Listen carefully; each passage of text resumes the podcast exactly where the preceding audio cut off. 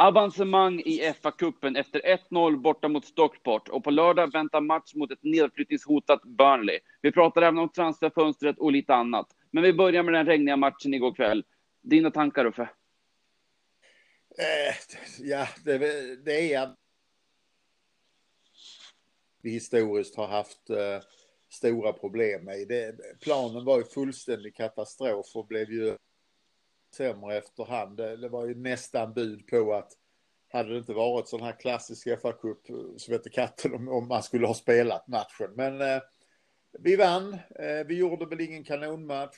Eh, jag tyckte inte ens att någon, av spelarna var bra. Det var omöjligt att ha ett passningsspel. Det var nästan omöjligt att springa i någon slags fart också. Utan eh, vi gjorde det bra. Eh, vi hade kanske lite tur där. Jag vet inte fan om det inte var straff när Rice eh, fällde killen där i straffområdet.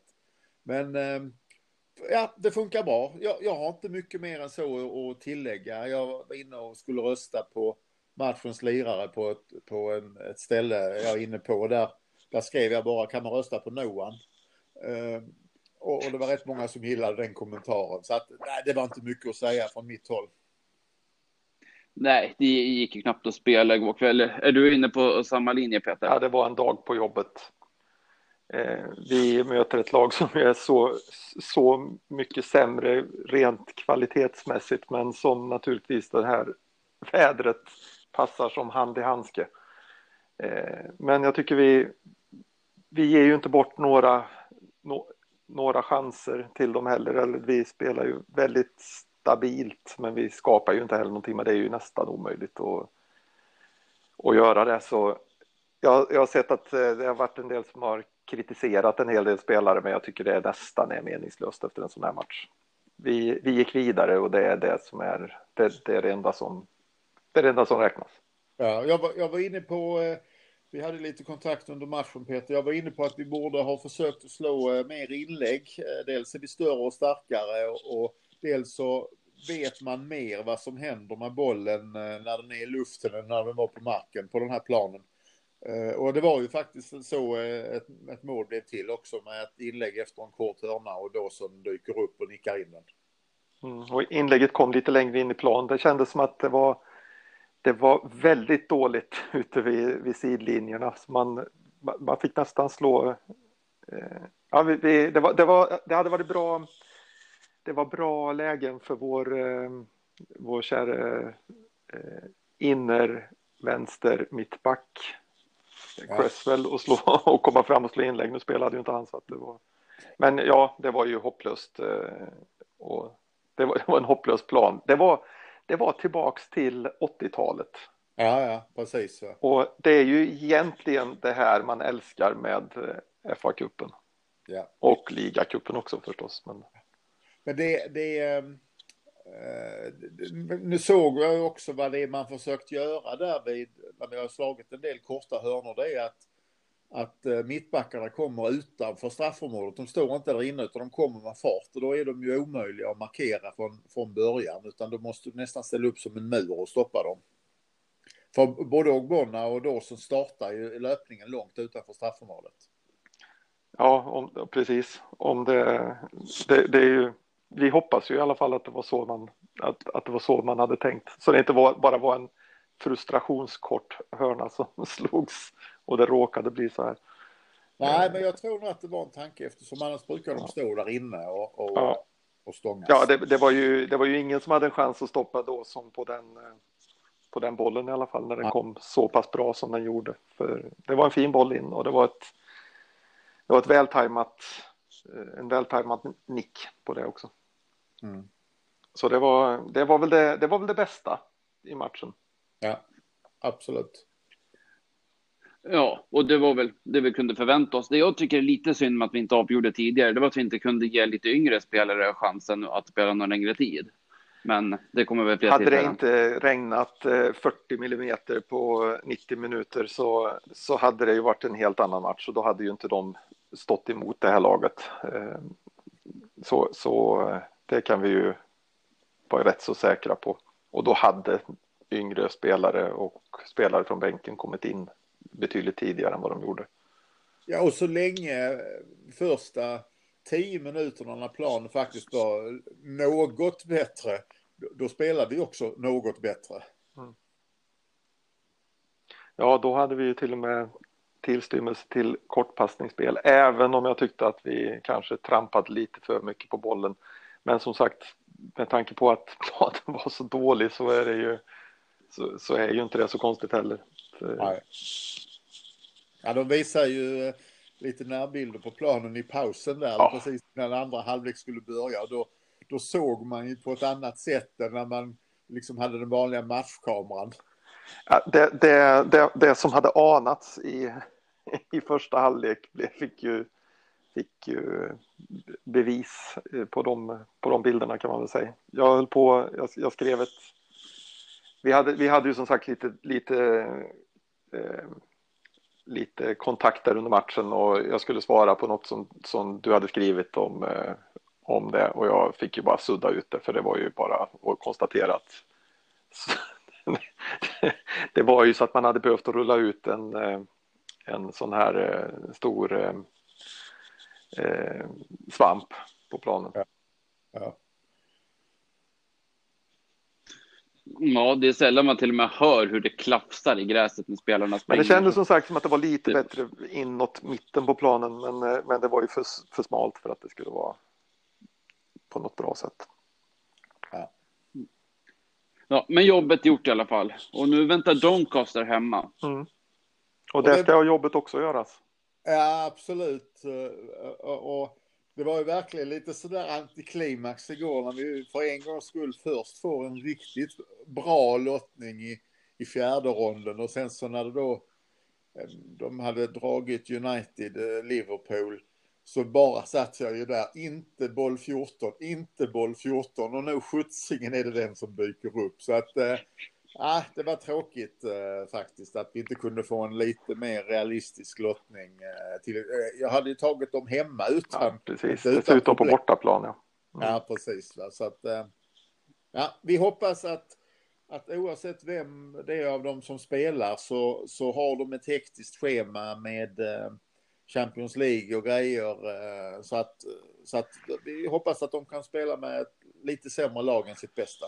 Ja, är det någon gång man ska möta de här bättre lagen så är det ju, eller de här st större lagen som spelar i andra, andra, andra turneringar också, så är det ju början på, det är ju omgång 3, 4 och 5 som, som det liksom inte, eh, där de eventuellt spelar med lite sämre uppställningar och sådär.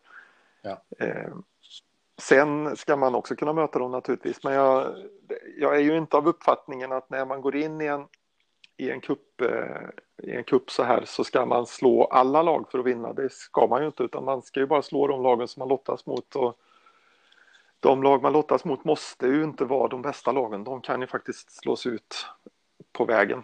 Eh, så man kan ha lite mer tur än, än eh, Liverpool, Manchester United i omgång fem. Så är det faktiskt.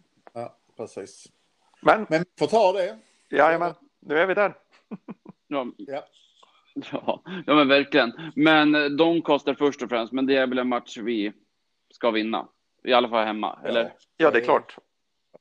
Det är klart att det är en match som vi ska vinna. Det är ju inget annat än, äh, än dåligt om vi inte gör det. Och naturligtvis så finns det en risk att vi, att vi åker ur. Så är det ju alltid. Det är ju det kuppen det är ju så en kuppen är, men det är klart att, att åker vi ur där så har vi all rätt att vara besvikna. Ja, men, men jag tror inte vi åker ut, utan vi går vidare där. Ja, det ska vi ju göra. Ja, det... Framförallt om vi satsar lite och spelar med ganska ordinarie lag. Nu, nu har vi ju spelat till oss en position i ligan där, där vi faktiskt eh, kan spela ett... Eh, det skulle ju vara om vi med den lövtunna trupp vi har skulle råka åka på någon skada extra här och att man bedömer det som, eh, som att man får man får ställa upp med lite för många oprövade kort i, i nästa omgång. Då det är klart, då kan det bli svårt. Men eh, annars tror jag nog att vi kommer att ha ett ganska bra lag på benen i den här matchen också. Ja. Och så känns det ju extra skönt att vi får spela hemma. Ja, precis. Eh, det blir ju alltid lite enklare. Även om vi inte har några, även om vi inte har några eh, eh åskådare på plats eller så. Ja, men precis. Det blir, men det blir i alla fall inte en sån här ett så konstigt underlag som det blev i förra Nej, matchen. Lite. Ja, hur tänker du inför, inför den matchen då? Ja, eh, jag tänker att eh, vi eh, eh, Alltså det, det, Burnley har ju inte startat den här säsongen så himla bra. Och eh, vi har ju, det, det, har ju vi gjort. Vi, vi ska ta den här matchen till, eh, alltså på vårt... Vi, vi ska ta oss an den här matchen som, som, att, vi vill, som att vi ska vinna den, om man säger. Eh, så att vi inte gör som vi gjorde härom, eh, härom veckan och på... Eh, ja, när vi spelade precis före jul här mot eh, Brighton eller vad var det vi hade? Ja, ja Mark Noble ska inte spela Nej, offensiv mittfältare. Alltså vi, vi spelar på hemmaplan och vi ska, vi ska ta oss an den här matchen med självförtroende och som att vi tänker att vi ska gå ut och vinna den. För det är väl det kravet jag har på en match mot Burnley som det ser ut just nu.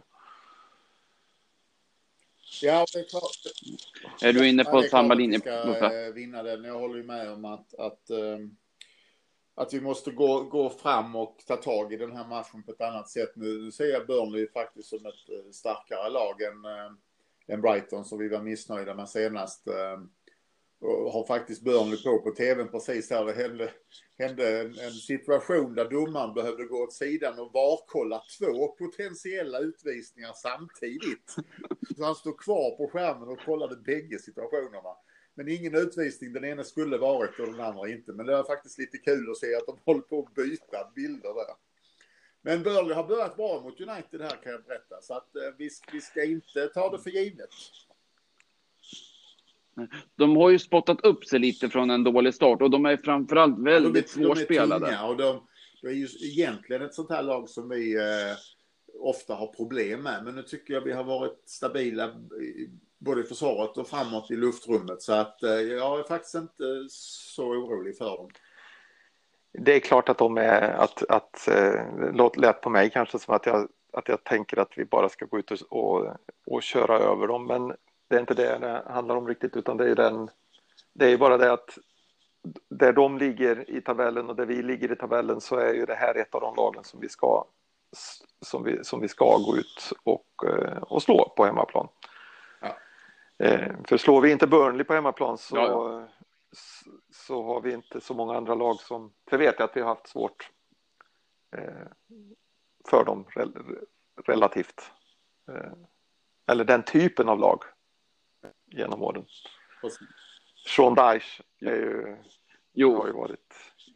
Ja, det är, det är ingen favoritmotståndare den, den typen, men det är klart att vi, att vi måste se till så att vi går ut och, och kör det här nu på, med självförtroende och, och tar matchen dit vi vill. Jo, ja, ja, men sen mm. man möter alltid ett motståndarlag som krigar, men jag tycker liksom nu möter vi Burnley och West Bromwich kommande omgångar och det är matcher jag tycker det är sex poäng som Absolut. gäller, annars är det ett misslyckande. Och sen kan, sen kan det uppstå hinder naturligtvis, men, men ja. det måste vara utgångspunkten. Ja, det är utgångspunkten. Uh, de tre kommande matcherna sju poäng på de tre. Ja. Eh, är, var, ja. är, är, väl eh, ett, om, om jag nu tänkte mig fyra på de tre senaste så är det, så är det sju på de här så, som jag Sen, sen, har vi, sen ska naturligtvis matchen spelas och, och det kan uppstå situationer och, och, saker som gör att, man, att andra utfall blir, blir okej okay också. Men på förhand så är det ju så absolut. Ja, ja men verkligen. Um, hur tycker ni vi ska ställa upp då? Jag tycker den är, den, den är lite delikat den frågan, för nu har vi haft... Mm, den är ju det. Vad? Ja, precis. Den är ju det. Eh, nu har vi haft fyr, fyr, fyrbackslinje i, de fyra senaste matcherna va? Ja. Tre senaste matcherna i alla fall. Eh, och vi har haft eh, vi har ju haft två mittbackar här, eh, Dawson och Bonna, som eh, fortfarande inte har släppt in mål tillsammans. Precis, på tre matcher. Ja, precis. Eh, det finns ju en... Eh, jag förstår ju om, eh, om Mois lockas mot att, att fortsätta med, på, den, på den inslagna vägen och det är ju, det är svårt att, att peta en sån som Dawson nu till exempel efter ja. efter en sån, sådana insatser. Ja, och sen har vi ju då Diop som var med och reste igår men som har en liten skada och sen Balbuena, samma som Fredericks faktiskt. De har inte covid själva men de har personer i sin närhet. De har träffat folk som har eh, covid och därför så har de eh, fått isolera sig. Så att jag vet inte. Eh, jag skulle visa att det finns en risk att Balbuena är borta och inte kan spela och Diop också då. Då, då, då sätter ju sig åtminstone då som av sig självt. Ja, då är frågan om det ska vara på en, en fyrbackslinje eller, eller en fembackslinje. Ja, och då kör jag nog fembackslinje personligen.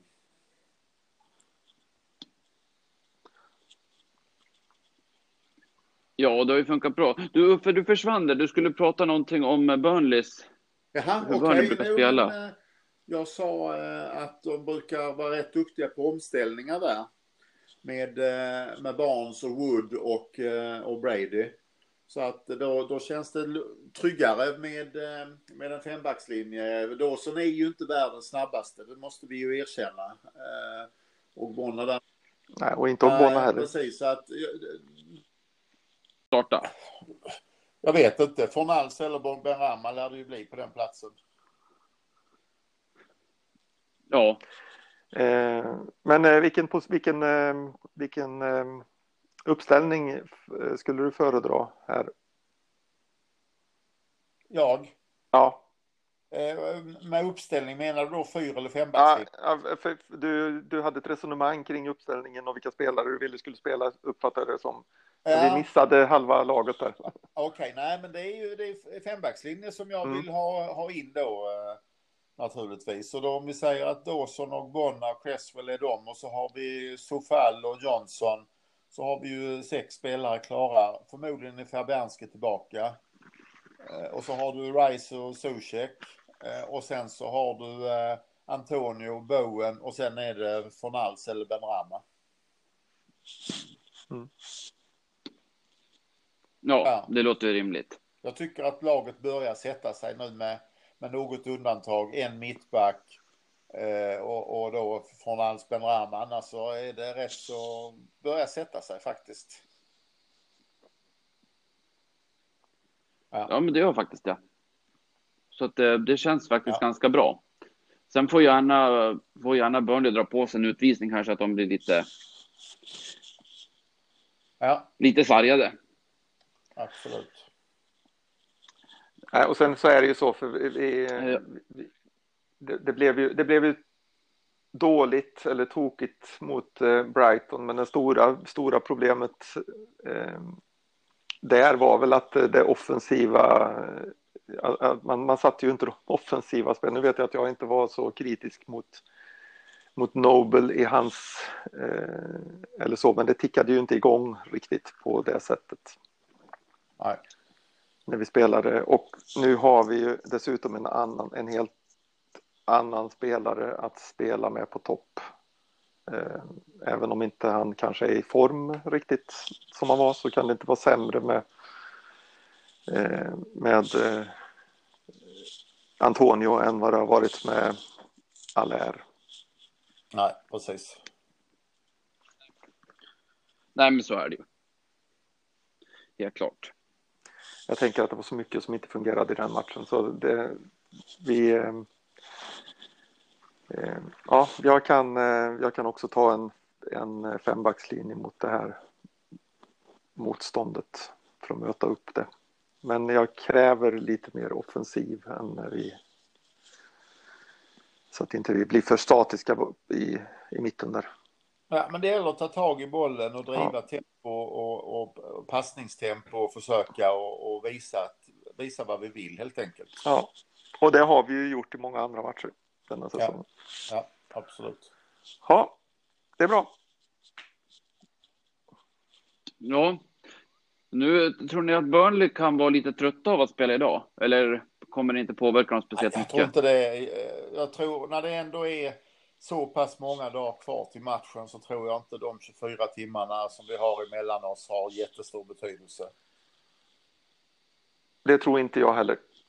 Nej, det, nej, det är nog mycket som Eh, talar jag vet inte hur Brightons spelprogram har sett ut. Eh, Burnley. i- eller ja, Burnleys, förlåt, eh, har sett ut här innan. Men, eh, men jag tror inte heller det. För nu har det väl varit, de, de har väl i och för sig spelat en, en eh, cupmatch här de också, men Ja, och de, de vann väl på straffar, var det inte så? Alltså att, Jo, så var det nog. Men jag, kommer, men jag vet inte om hur starkt lag de hade och precis. sådär. Och de ser ju rätt pigga ut idag får man ju säga. Så att, eh, nej, det kommer nog inte spela någon roll nej. på lördag. Nej. Eh, Har vi något mer att tillägga? Om Nej, jag eh, tror inte det. match? Och nu gjorde nej, de inte mål, nej. nej, jag har inget mer om detta. nej. Ja, nej. Nej, men då ska vi gå in och prata lite om det här pågående transferfönstret då. För att vi har ju faktiskt, sen vi spelade in sist, har vi sålt två spelare. Sebastian Allaire och eh, Ja. Robert Snodgrass. Hur, hur känner ni inför det? Eh, Allaire var jag ju trött på. Eh, jag eh, säger att om vi bara skaffar in någon typ av eh, ersättare för Allaire så tycker jag att det var rätt beslut att sälja honom för 20 miljoner pund. Det har ju krypit fram lite uppgifter nu att han faktiskt inte kostade så mycket som det har pratats om. Det var väldigt mycket klåsis i det där 40-45 miljonerna som inte hade blivit uppfyllda. Så att eh, vi fick tillbaka rätt mycket av pengarna faktiskt som jag lagt för honom. Eh, men, men vi måste ha in en ersättare, annars tycker jag inte det, är- det är bra. Eh, Snodgrass, fantastisk eh, personlighet, fantastisk kille helt och hållet, men han, han platsar ju inte i laget och han har ett halvår kvar på kontraktet. Jag tycker det var snyggt att släppa honom.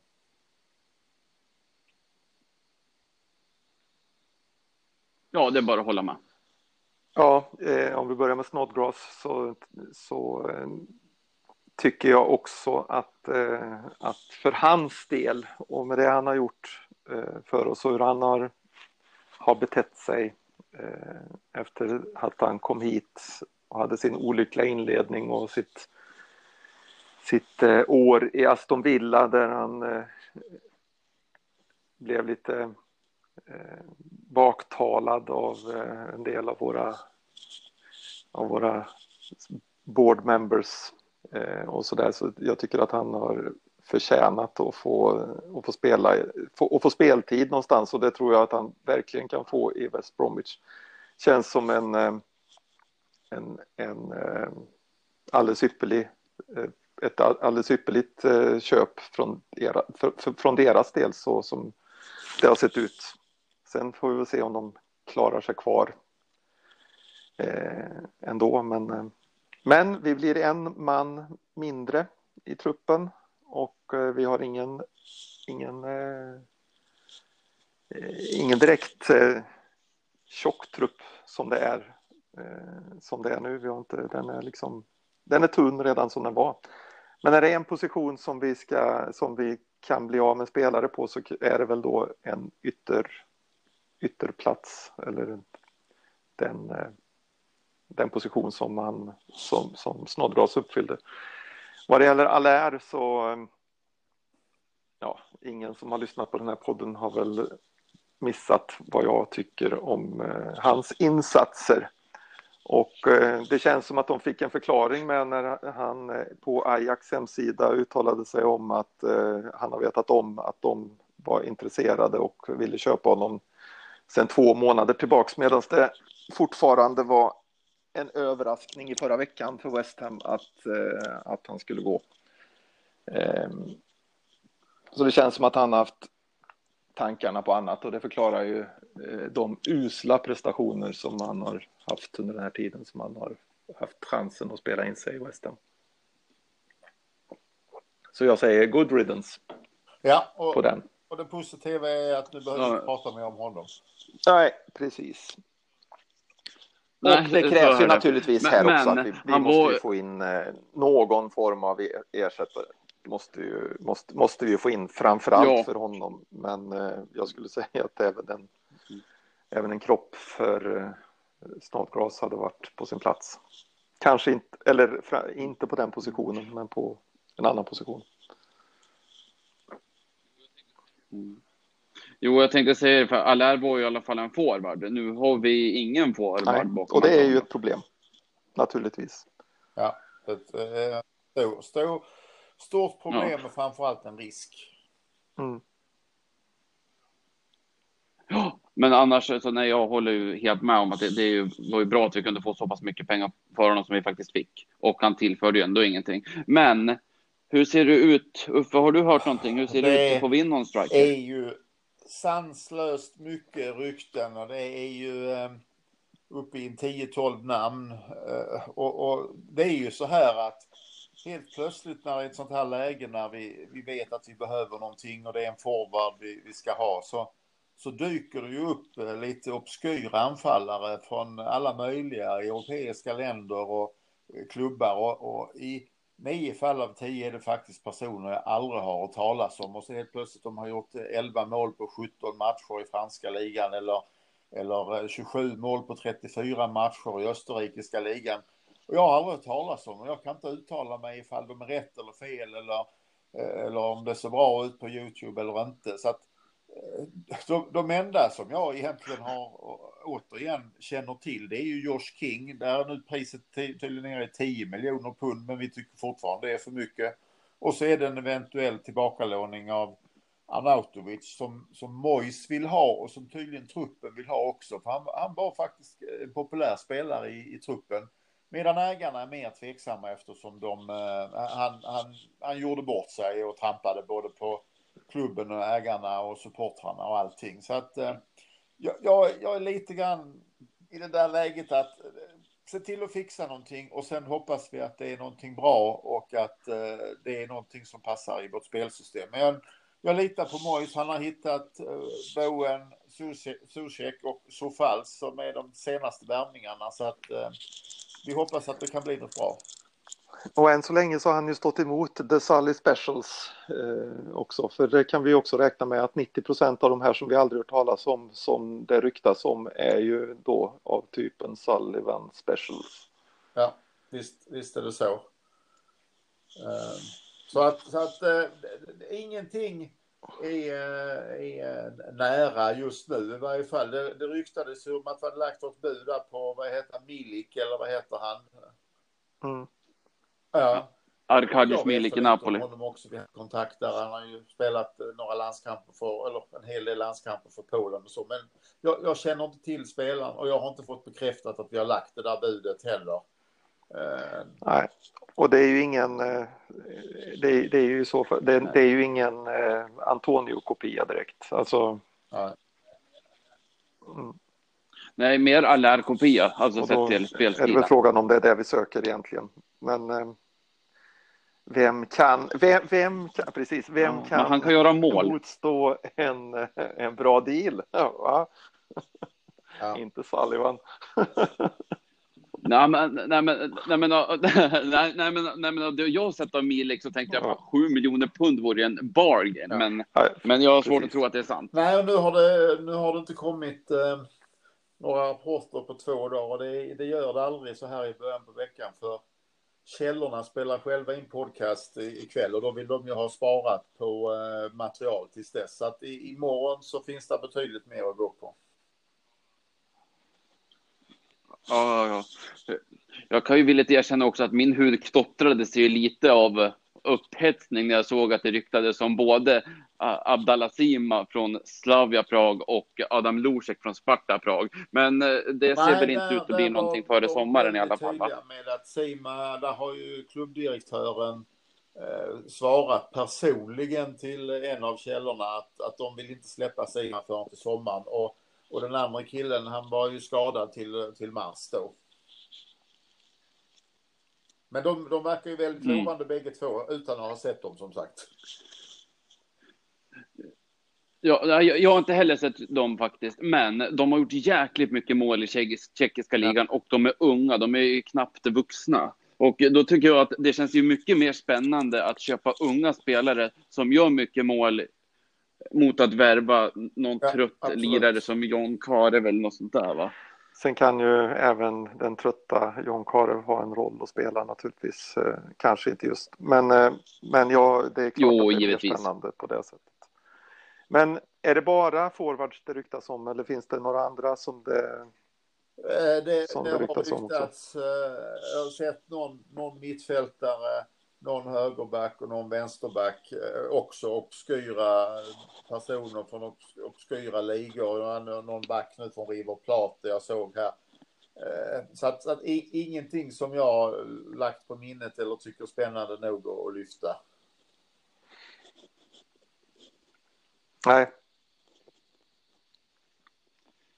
Nej. Ja, absolut. Då får vi väl se helt enkelt. Ja, men, men vi- vi får hoppas vi kan få in någonting i tror- alla Ja, men det fall, går- för att det känns vi får- väldigt vi, tunt Vi just kommer nu. få in en forward och så kommer det säkert ett lån på det också. det går ju inte att eh, gå igenom resten av säsongen med den trupp vi har nu. Den, den, den är alldeles för tunn. Ja, det håller med. Eh, men vad, vad har hänt med, eh, Ja.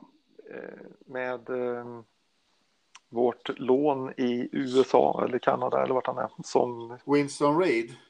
Som, ja precis, för hans låneperiod tog ju slut här eh, vid nyår, men det pratades ju om att han eventuellt skulle fortsätta eh, där han var.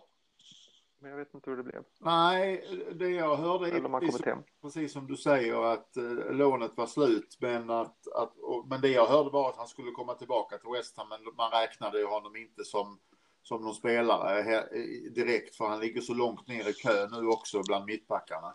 Han är liksom Mm. nere på femte, sjätte plats där. Men Ja. inte konfirmerat hur det blev i varje fall. Jag har ju inte sett honom eh, på någon, någon träningsbilder eller någonting sånt heller. Nej, precis. Ja, vi hoppas att han också kan få till en bra lösning. Det är ju lite för långt kvar på det kontraktet. Ja.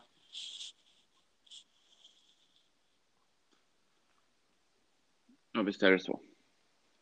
Nej, jag tror Eh, inte det. har vi något mer att säga om eh, fönstret? Vi kommer ha betydligt mer att säga förhoppningsvis om en vecka.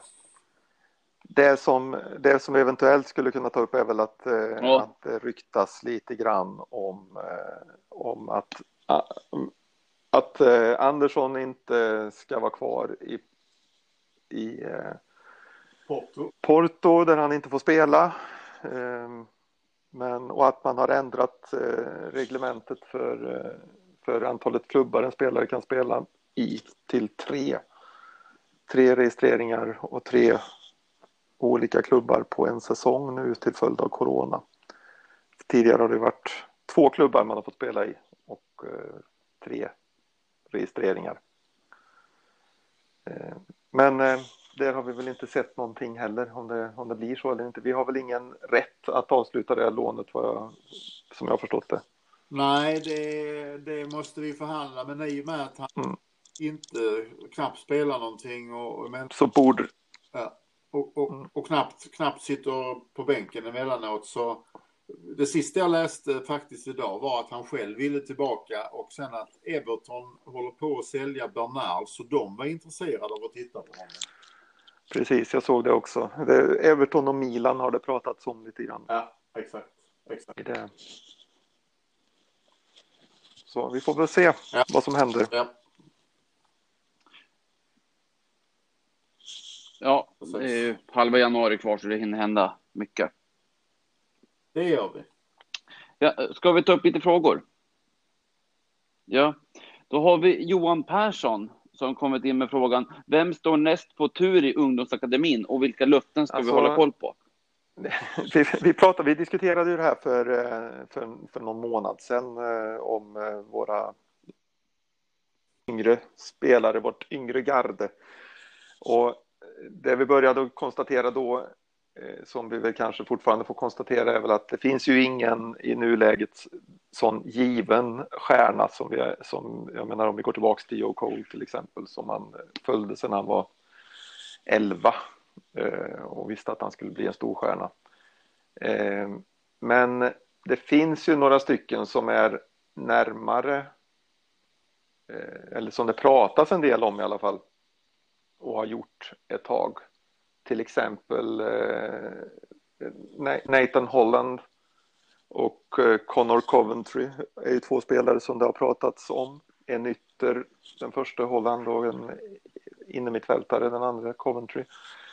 Nu har väl båda haft lite problem med eh, skador de senaste åren så att de har stagnerat lite grann i utvecklingen och det vill man ju aldrig se på en ung talang. Nej, van Holland eh, ryktas att bli utlånad nu igen här. Eh, antingen till Oxford eller en annan klubb. Jag kommer inte ihåg vilken det var. Eh, men, men där börjar jag faktiskt ge upp hoppet. Dels beroende på skador som du säger Peter. Men han börjar ju faktiskt, ursäkta, bli lite gamla. Ja, 22, 23 är han nu va? Ja, eh, precis. Och det, det är ju där vi, det, det, är där de är, de här killarna. Jag tror att, nu vet jag inte hur gammal Coventry är, men han är ju inte heller purung längre. Nej, men han är något år yngre i varje fall. Uh, och, och sen så... Ja, det är han. Han är 20. Ja. Fyller 21 Ja, och sen, sen, eh, sen, har vi ju han som gjorde debut igår, Mboeko, eller hur han uttalar sitt namn. Ja, ja som, som mm, vi har Mipo. fått från Mipo. Manchester ja. United som släppte, som var väldigt framgångsrik i deras ungdomslag tillsammans med Greenwood. De spelar ju tillsammans där, som, som många hoppas väldigt mycket på West Ham på, på den här spelaren. Ja, han är striker, absolut. Mm, han är striker, va?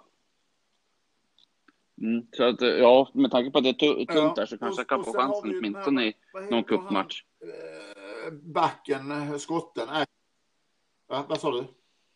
Baptiste. Baptized. Nej, Ashley. Baptized. Han som spelade förra... Eh... Ja. Ja. ja, Ashby. Ja, precis. Mm. Han spelar ju ligacupen. Mm. mm. Och vi hade väl någon av de här, eh, vem var det, Afolayan också va? Ja, som, var fler i, i backlinjen där som spelar. Ja. Men... Ja, jag, jag, jag, jag tänkte ju på han Jamal Baptiste, ja, mittbacken. Han är ju, ja. han är ju inte ja. gammal. Han, eh, Men han är ju då bara 17, fyller 18 i år då. Och då är det ju dags snart. Ja. Så är det. mm. Ja, men han är nog i alla fall ett framtidsnamn att hålla ögonen på. Eh, det, är, det händer ju inte helt sällan att de här spelarna, det kan man ju komma ihåg då, som, eh, att de, de, eh, de, dyker ju bara upp. Det var inte många som, eller dyker bara upp naturligtvis kan man ha koll på dem om man, om man följer juniorlagen och akademi, akademilagen och sådär sen tidigare. Men till exempel i våras när när vi hade skador på våra ytterbackar och, och eh, vi plötsligt eh, började spela, han som nu spelar i Watford, vad heter han? Engaka, ja, precis. Engaka. Det var inte många som hade räknat med att han skulle spela i A-laget om vi gick tillbaks till januari. Så att det kan hända mycket naturligtvis här på några månader och det kan hända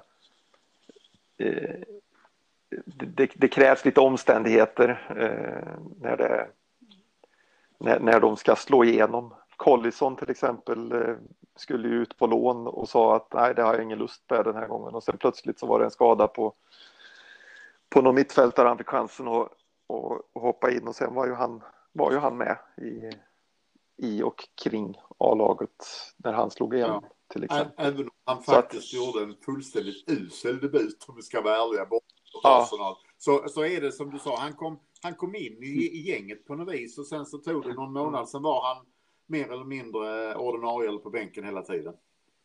Mm. Så att eh, ja, det gäller att få lite utväxling på, på de här killarna, men det, det är ingen sån det är ingen sån given och de som var intressanta för några år sedan de eh, är tyvärr på väg att bli eh, och, och, bli, och bli gamla. Ja.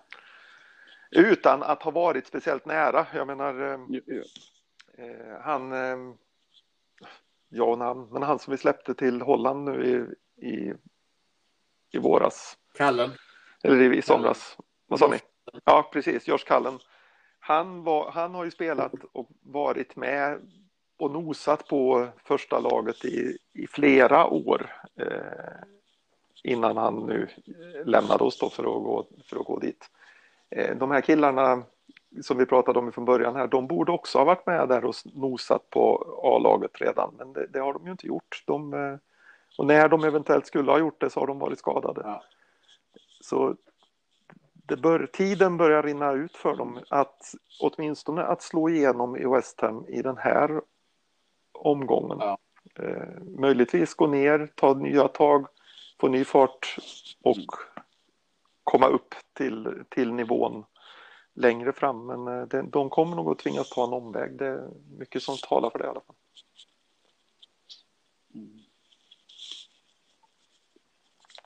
Ja, det känns ju just nu väldigt avlägset att Nathan Holland och Connor Coventry kommer att bli bärande ja, på något sätt. Det är svårt att se att det blir någonting annat än breddspel. Men uh, Holland, uh, han har ju fått ett par chanser i A-laget och, och, inte varit, uh, inte imponerat när han har gjort det heller i cupmatcher och så.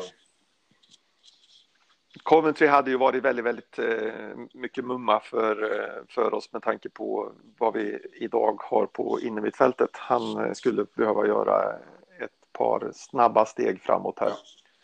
Eh, för eh, då har han, han mm, har ju alla möjligheter att eh, Alltså han, han, spelar på en position där det finns alla möjligheter att faktiskt kunna få, få några chanser och det hade ju varit väldigt, väldigt bra för, för oss om han hade kunnat ta den där fjärde eller femte platsen på mittfältet.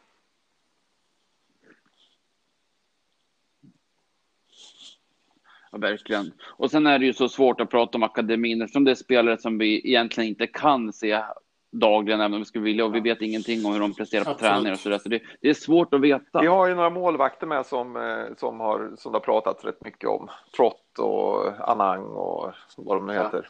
Ja. Eh, men eh, där är det ju också så där att vi, det, det, får man ju också tänka på att vad det gäller målvakter så det är väldigt få som slår igenom nummer 21 det är väldigt många fler som går den betydligt längre vägen och kanske spelar när de är 27. Eh, så här tror jag att vi, om någon av dem är aktuella för att eh, för, alltså som, att de kommer att spela för oss så är det långt fram i tiden.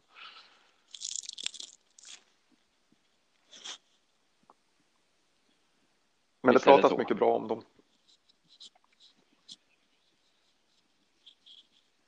Ja, men det är väl bra att de är lovande i alla fall. Nej, men de lär inte ta över efter Fabians, om vi säger så. Ja. Men man måste börja någonstans. Mm. Ska vi ta nästa fråga?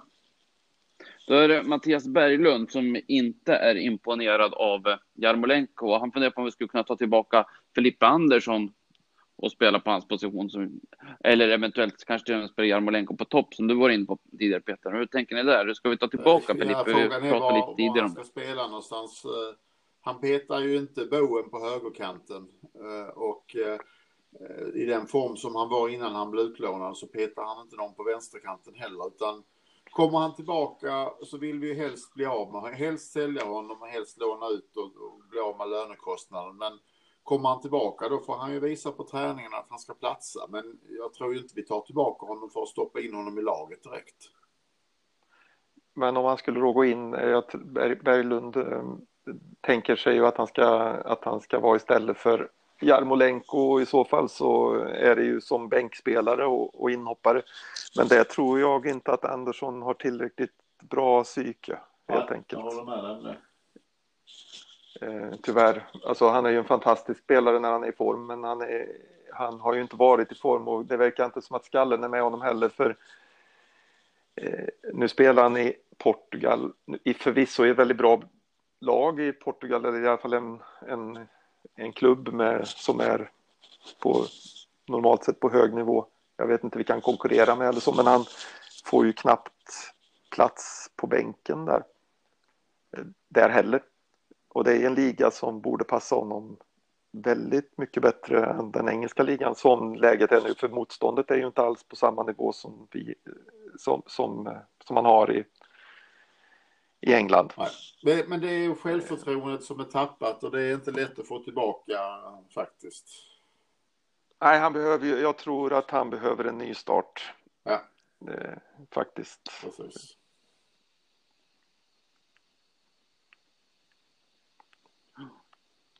Ja, och den som kan få ut där, den klart. potentialen så, eh, så har de en spelare att hämta. Frågan är ju nu då, om vi nu skulle leka med tanken här att, eh, att Everton och Milan är intresserade. Eh, för oss hade det ju varit absolut bättre att sälja honom till Everton om vi tänker rent ekonomiskt, för därifrån kan vi få betalt. Milan kommer förmodligen inte att och betala speciellt mycket kan jag inte tänka mig. Eh, Men eh, för Anderssons del så borde ju Italien vara ett bättre val. Ja, absolut. Det där har han ju gjort eh, åtminstone en riktigt, riktigt bra säsong tidigare. Det har han i och för sig gjort i, i England också. Men för att, jag tror att han behöver mer miljöombyte än, än Everton. Men som sagt, för oss så jag eh, kan tänka mig att sälja honom till Everton. Ja. Och sen kommer han ju naturligtvis tillbaks och biter mig i arslet på det. Men... Ja. Men, det, men det, är ändå, det är ändå stor skillnad på den säsongen han gjorde i Italien och, och den i England. Han var ju en av de bästa spelarna och var den spelaren med, med mest assist i hela italienska ligan den säsongen. Mm. Det var ju eh, inte, inte efter den säsongen vi köpte honom utan efter ytterligare en säsong efter som vi köpte honom. Mm.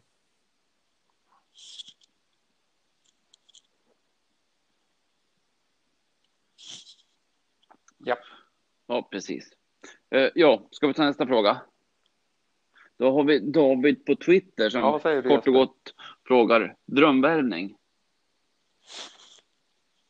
Ja, om jag säger realistiskt sett, jag får väl inte sväva iväg och önska mig Bappé. Men, eh, men, eh, nej, men jag säger väl det är Losek och väl Sima. Bra, bra namn, absolut.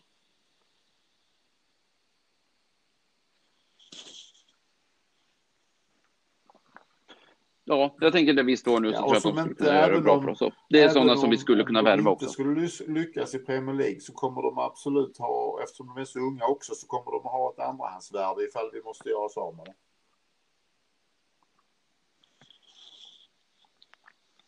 Precis. Ja. Så det är, det är liksom rimliga chansningar. Ja, Ja, Peter, hade du eh, fått in några det jag extra fått. frågor? Eh, jag har fått in eh, ett par frågor från eh, eh, Jonas här som har han, han säger så här. Vi har varit inne och snuddat på det men tre starter för Ogbonna och Dawson tillsammans och noll insläppta mål så här långt. Fråga ett. Fortsätter vi att spela dem tillsammans med tanke på utfallet? Fråga två. Överger vi fembackslinjen och går över till fyra nu när formationen också verkar när den här formationen också verkar fungera stabilt? Vi pratade ju om det förut när vi pratade om nästa match. Ja, och är Eh. då återigen om Balbuena och Diop eh, inte kan spela så, så sätter det sig självt att de två åtminstone är, är, är två av två eller två av tre mittba- mittbackar. Ja, och eh, enligt den diskussionen så överger vi inte fembackslinjen utan han får helt enkelt kliva in där eh, och så hoppas vi att, att eh, fem är bättre än fyra. Ja. Och vi släpper in, släpper in minus ett mål. Mm. Nej, men det är, ju, det är ju en spännande fråga naturligtvis. Eh, Sen har de inte, alltså Ja, visst. vi kanske, vi, vi kanske inte har mött lag som har skapat de allra flesta chanserna heller, men eh, vi, vi har ju vi har gjort det bra mot det motstånd vi har ställts mot och de, det, som, det, vi, det de har fått att, göra, fått att göra, det har ju eh, tagits om hand med ackuratess. Det, det dök upp idag. Det har det sagts att det inte fanns tidigare, men idag dök det upp att det tydligen ska finnas någon utköpsklausul i Dawsons lånekontrakt. Och att just nu var Mois väldigt sugen på att ta tillvara på den. Ja, den kan ju inte vara speciellt Nej, hög. Nej, jag tror den är på, på 2-3 miljoner pund, någonting sånt. Mm. Ja, jag förstår att han eh, tänker det, för det skulle ju också upp, öppna upp för att kunna låna ytterligare en spelare i den, eh, ifrån, ifrån eh, inhemsk spelare helt enkelt, alltså från England. Fast jag, jag uppfattar det som att han ska uh, rycka i det snöret till sommaren. Jaha, okej. Okay. Inte nu. Ja, okay. Jag tänkte för annars så är det ju faktiskt en, en eh, skulle kunna vara en billig lösning för att få in en, eh, en till spelare som annars hade blivit mycket dyrare.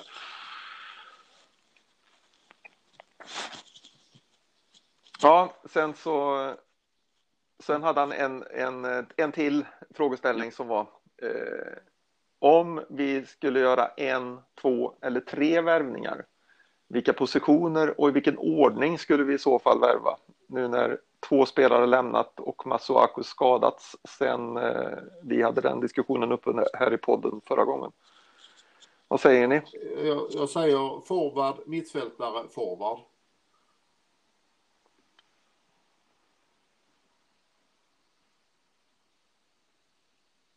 Jag kan hålla med om det.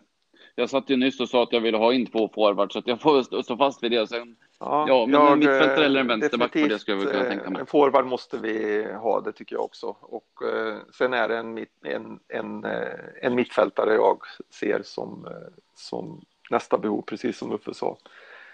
Och i tredje hand så, så kör jag en, eh, ett, ett komplement till, till, till den här forwarden. Eh, och så får vi klara oss med det vi har i backlinjen.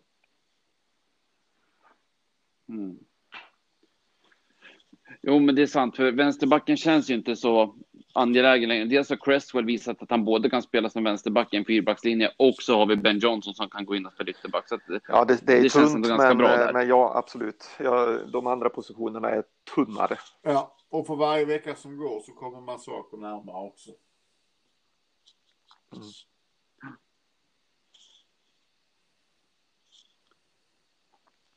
Så är det ju. Ja, det var det. Var det Jonas sista fråga?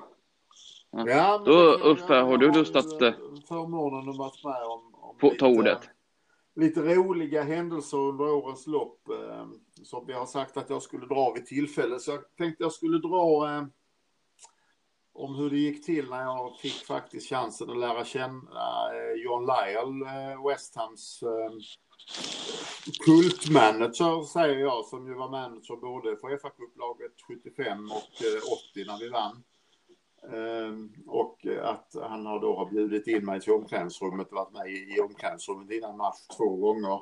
Det var ju lite annorlunda innan det blev Premier League. Ehm, West Ham var ju en riktig, riktig familjeklubb också.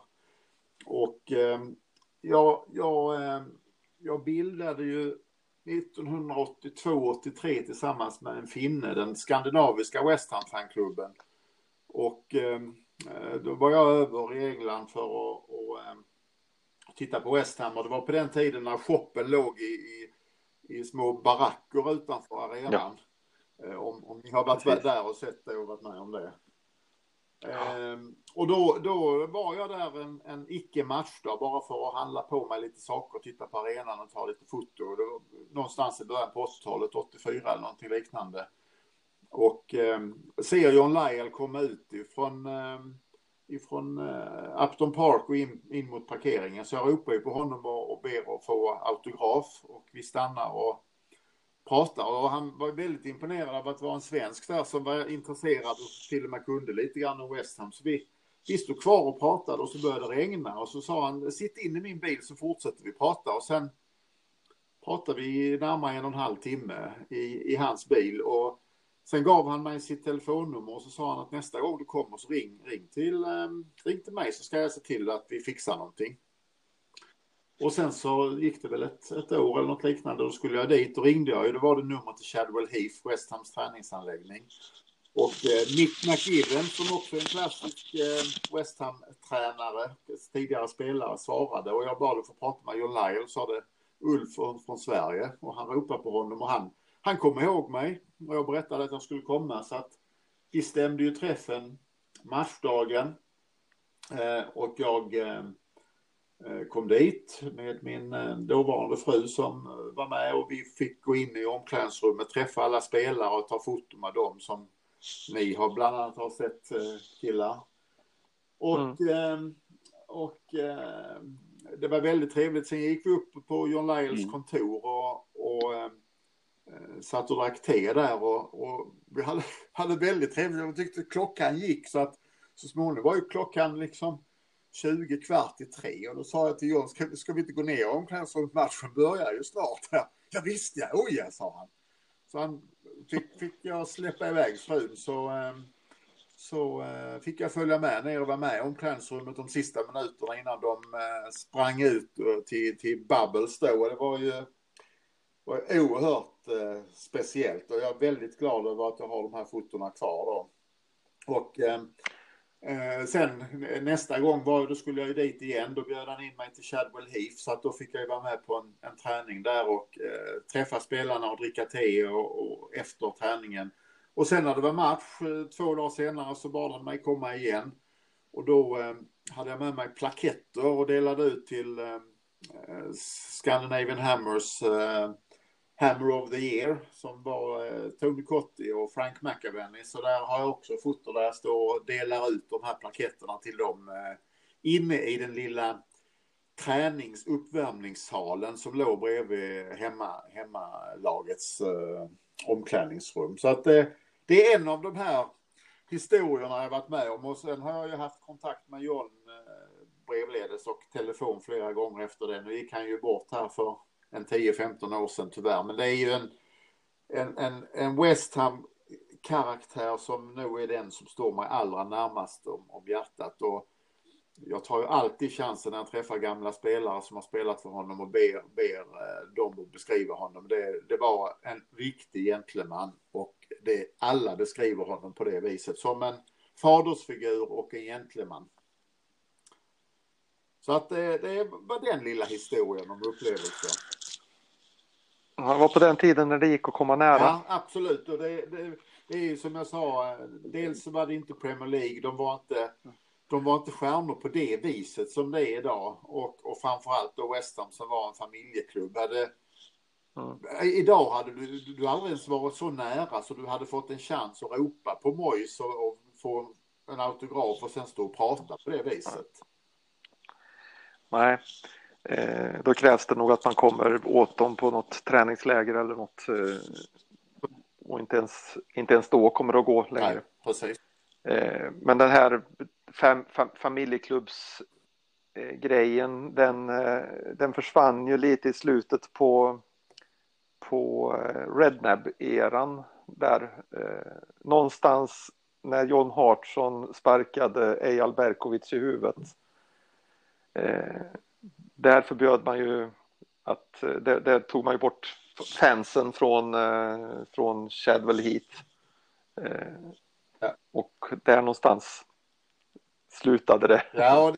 och har bara, eller började det gå ut ja. kan man säga. The slippery slope eh, startade ja, där. Och jag tycker egentligen att det började lite tidigare när man valde att sparka John Lyle som hade varit i klubben i början på 60-talet och, och började plocka in Lou McCarry och, och vi började få den managerkarusellen som vi eh, har haft de sista 30 eh, åren här. Men eh, så är det naturligtvis. Jag tänkte mer på, på själva tillgängligheten ja. och så där. Den, den, blev svårare där. Rednab, Rednab till, tillät ju väldigt mycket fram tills, fram tills ja, dess. Precis, precis, så var det.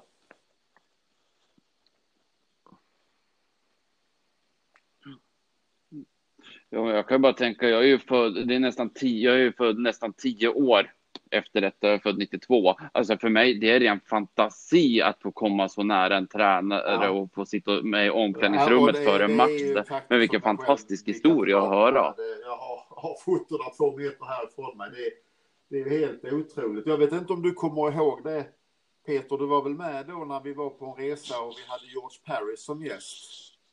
Då hade jag ju med det fotot från West Hams omklädningsrum där han och jag står och håller om varandra och så, så visar jag fotot för honom så sa vet du vem det här är? Ja det är ju jag, det ser jag Jag ser ju att det är Upton Parks omklädningsrum. Vem är med den andra? Är det du? sa han till mig. Ja. Så jag har ju ett foto också där vi står precis likadant tillsammans som vi gör på Upton Park-fotot och så håller vi det fotot tillsammans framför oss. Mm. Ja, du kommer ihåg det Peter också? Ja, visst. Det var jätteroligt. Ja, ja. Eh, verkligen. Men jag har eh, lite fler sådana här eh, anekdoter vi kan komma vidare till vid annat tillfälle också. Jag är lite Ja, jag med. Eh, men jag är lite nyfiken på eh, den här matchen där du drog taktiken. vilka mötte vi och, och hur slutade det? ja, jag drog ju inte så mycket taktik där kan jag säga. Jag, jag, jag var rätt så kaxig när vi, när vi skulle ta foto och, och kände alla. Jag satt ner och pratade med Tony Cotti, för han hade precis gjort sin sin A-lagsdebut eh, för England eh, och det var ju mot Sverige dessutom och han hade en målchans där så vi satt och pratade om om den i detalj. Då var det rätt roligt. Men när det är en kvart, tio minuter kvar till, de, de, till avspark, då, då är det en speciell stämning. Då är det inte så att man sitter där och, och skämtar eller skojar eller tar upp kameran. Då, då var jag väldigt liten i en, i en hörna där. Men vilka mötte vi? Jag kommer inte ihåg det. Jag många ah, okay. ja. Nej, jag vet inte det heller. Jag har varit men vet helt oväsentligt. Ja. Hur gick det då? Men jag, men jag kan ju säga att så, som sagt min fru var ju, var ju Ja, egentligen. Men... I omklädningsrummet då vid, vid halv två-tiden och kvart i två. Um, och um, hon var ju ganska insatt eftersom hon, hon var gift med mig. Eller, och, och, eh, och hon, eh, för andra kompisar som visste vilka West Ham var, där kunde hon ju skryta med att hon hade, hon hade sett Billy Bonds i kalsongerna. ja, precis. Nej, så att John Lyell högaktar jag otroligt mycket som sagt. Ja. Ja, mm. absolut. Absolut. Nej. Det är väl en av de absolut största vi har haft. Nej. Det, det, kan, det kan inte förnekas. Absolut inte. Och det ska inte förnekas heller för den delen. Ja, men tack för den historien. Det var ja, väldigt roligt. Som sagt. Vi Fantastiskt att höra. Jag tycker det är jätteroligt att höra. Ja. Ja. Ja, det, ser fram emot. 0-0 mellan Burnley och Manchester United. Har vi något slutord för ikväll då? Annars är det ju att eh, vi hoppas dagarna går fort fram till lördag så att vi kan få se en, en eh, Claret and Blue slå en annan Claret and Blue. Ja, och det får ju bli rätt. Absolut. Absolut. ja, ja. Det det. exakt. De som spelade i Clareton just den matchen.